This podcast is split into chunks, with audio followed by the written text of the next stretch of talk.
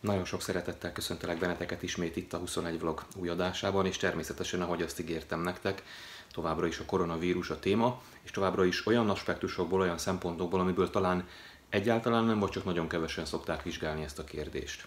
Ugye az első ezzel kapcsolatos adásban megvizsgáltuk az egész járványnak, az egész pandémiának a szimbolikáját, hogy milyen szimbólumokat vázol föl, és azok mit jelenthetnek a számunkra. Aztán megvizsgáltuk az előző adásban az egész folyamatnak a nemzetközi, gazdasági, politikai, társadalmi eh, hatásait. A mai adásban pedig eljutottunk önmagunkig. A mai adásban eh, lényegében a privát szférával, a magánszférával, a magánéletünkben betöltött változásokkal szeretnék foglalkozni. Úgyhogy akit az ilyen jellegű témák nem érdekelnek, az nyugodtan elmehet. Eh, hello, szia! Akit viszont érdekelnek a pszichológiai vagy filozófiai témák, azokat most kérem, hogy tartsanak velem erre a pár percre.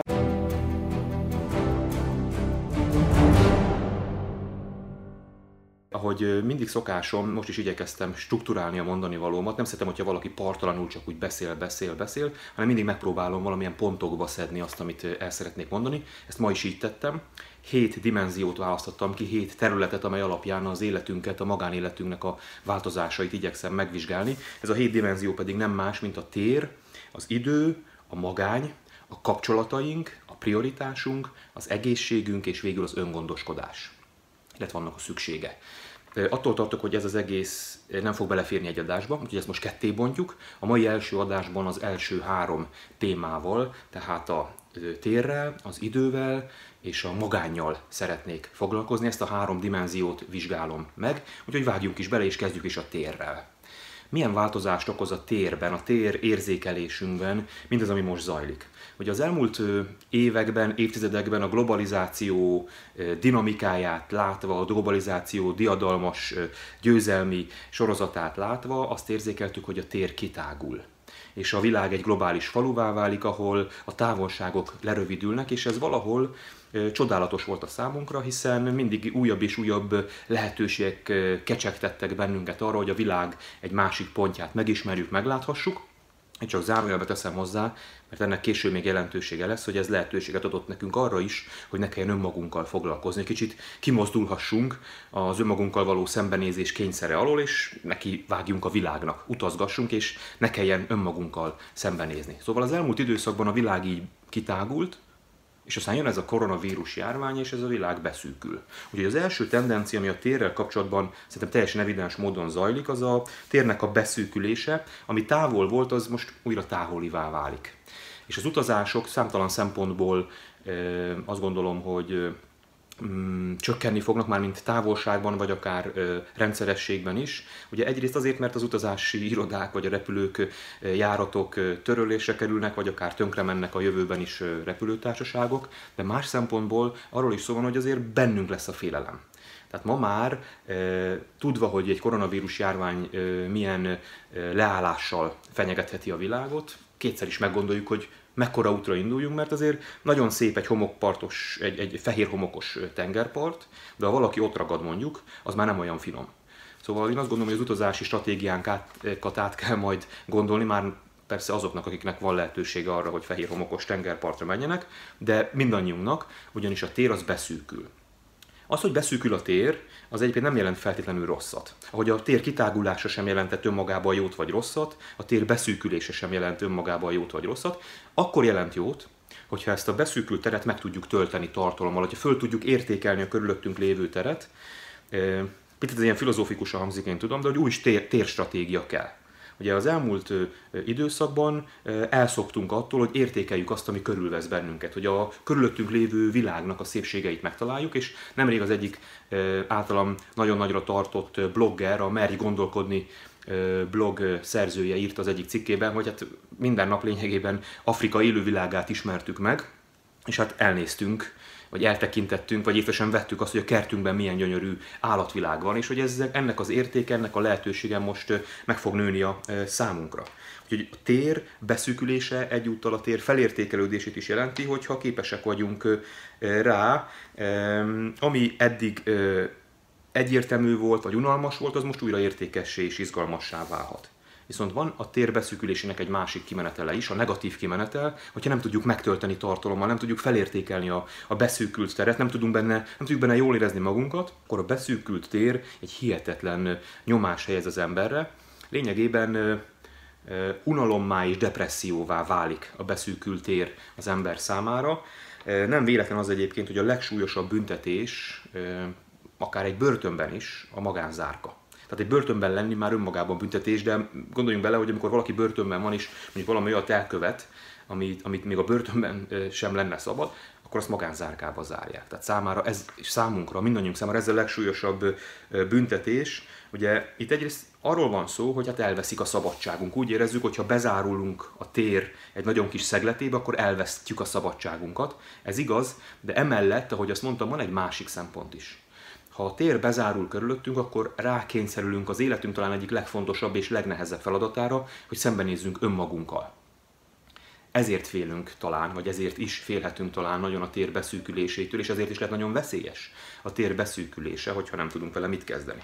De menjünk tovább a második dimenzióra, az időre, ugyanis ha a térről azt mondtuk, hogy beszűkült, a kitáguló tér beszűkült, a globális világ lokális világgá kezd válni, akkor az az időre is más szempontból igaz, ugyanis a globális világ kinyitott, vagy felgyorsította az időt, annyi sok inger ért bennünket, hogy az idő gyors, gyorsulását, vagy, vagy e, suhanását e, éreztük. És azt gondolom, hogy az ingerek azok most sem lesznek ö, kisebb mértékűek. Tehát most is az online térben elképesztően sok ingert kapunk, akár a koronavírussal kapcsolatban mondjuk egy ilyen tartalmat. De ettől függetlenül mégis azért talán mindannyian azt érezzük, hogy ez az idő, összefüggve talán pont a tér beszűkülésével, ez most egy picit lassabb, mint volt.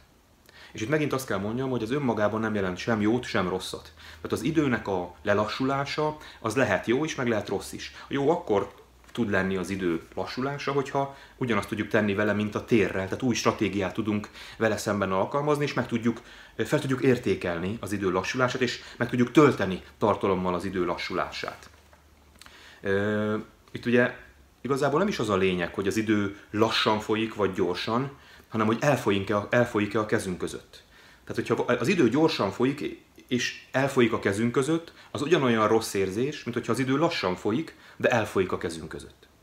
És ugyanígy a másik oldalról, hogyha az idő gyorsan folyik, de a nap végére úgy érezzük, hogy ezt a napot is megragadtuk és uraltuk, vagy ha az idő lassan folyik, de a nap végére úgy érezzük, hogy ezt a napot is uraltuk, akkor lényegében az időt fel tudtuk értékelni, meg tudtuk tölteni tartalommal.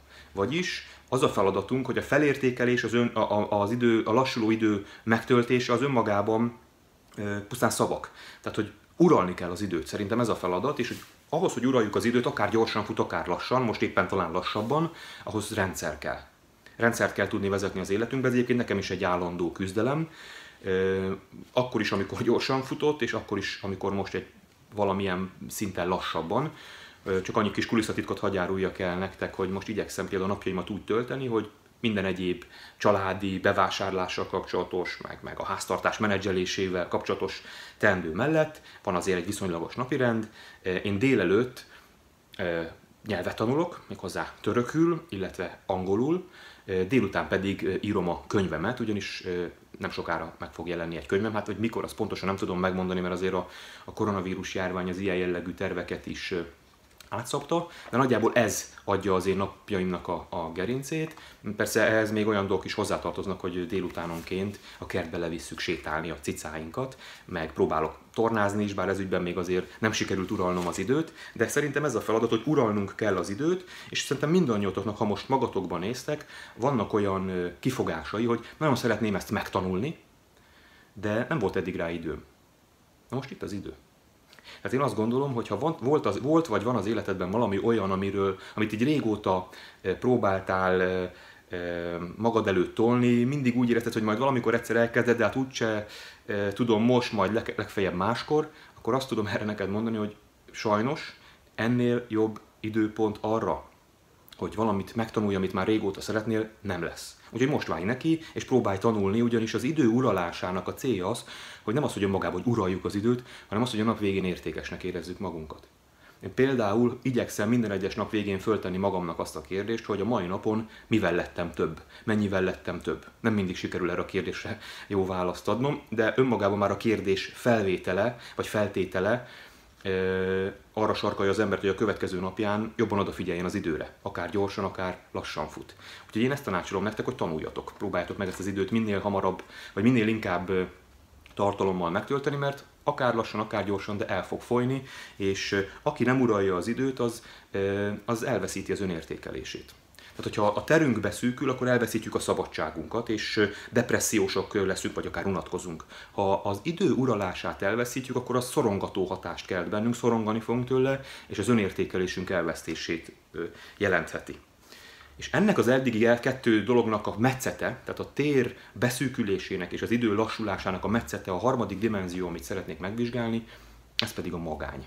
Ugye ránk tör bizonyos értelemben a magány, míg hogyha a szeretteink körében is vagyunk, azért egyre több olyan idősáv áll rendelkezésünkre, ami, ami szembesít bennünket a magánnyal, ami az emberi élet egyik legnehezebb, legizgalmasabb, de leggyötrőbb időszaka lehet. És ugye erre szokták azt mondani, hogy valamit kezdeni kell a magányjal, mert aki nem kezd semmit a magányjal, azzal a magány kezd majd valamit. És hát az nem jó. Úgyhogy ezt mindenképpen meg kell akadályozni, hogy mit tudunk tenni, vagy mit kell tenni, amit eddig mondtunk, abban lényegében benne volt a válasz. Lényegében a tér és az idővel való, a térrel és az idővel való kapcsolatunkat kell újra alapozni, vagy újraértékelni, vagy új stratégiát kitalálni rá, és reagálni a tér beszűkülésére és az idő lassulására méghozzá, úgyhogy ezeket megtöltjük tartalommal, hogy felértékeljük, hogy uraljuk, és megpróbáljuk a, a szabadságunkat így is megélni, és megpróbáljuk az önértékelésünket így is erősíteni. Ugyanis a magány az kétélű kard. Egyrészt egy rettenetes démon. A magány egy rettenetes démon, mert amikor teljesen önmagunkban vagyunk, és átéljük azt, hogy egyedül vagyunk, hogy nincs senki, hogy, hogy lényegében az minden egyes ember, mindannyian, még ha a szeretteink körében vagyunk is, alapvetően az életben önmagunkra vagyunk utalva, és önmagunknak kell bizonyos kérdéseket feltenni. Szóval ez egy rettenetes démon, ugyanis a magány előhozza a legbensőbb félelmeinket, előhozza a legbensőbb elrejtett, lenyomott, elfolytott gondolatainkat. Ez egyik oldala. A másik oldala viszont a magány a legnagyobb tanítómester, és pontosan azért a legnagyobb tanítómester, amiért a legnagyobb démon, ugyanis a, azok a félelmek, azok a gondolatok, azok a szorongások, amik így előjönnek, az ezekkel való szembenézésből tudunk meg a legtöbbet önmagunkról, és így tudunk a legtöbbet tanulni. Ugye ismerd meg önmagad. Régi, az ókori görögök legnagyobb bölcsessége vagy eszenciá, gondolati eszenciája volt ez a mondat, és ez valóban így van. Én ezt csak annyival egészíteném ki, hogy ha meg akarod ismerni önmagad, akkor azt legegyszerűbben a félelmeiden keresztül tudod megtenni.